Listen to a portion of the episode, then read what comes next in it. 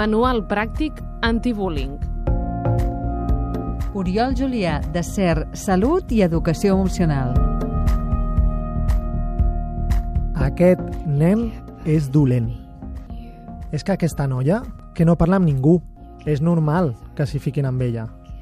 Aquest nano sempre s'està pensant la pitjor. Segur que de gran serà... Buah, és que aquesta classe no fa res. Aquí tots es porten malament i ja està. Trenquem amb les etiquetes. Trenquem amb els judicis ja establerts. Clar que evidentment hi ha actituds, comportaments que porten a vegades a aquestes etiquetes, però per aconseguir un canvi les hem de trencar.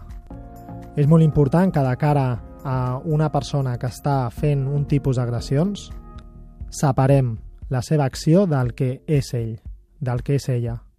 Si aconseguim separar això, aquesta persona entendrà que té l'oportunitat de ser altres coses. Però si tu tothom el veiem com un agressor, seguirà sent un agressor o una agressora.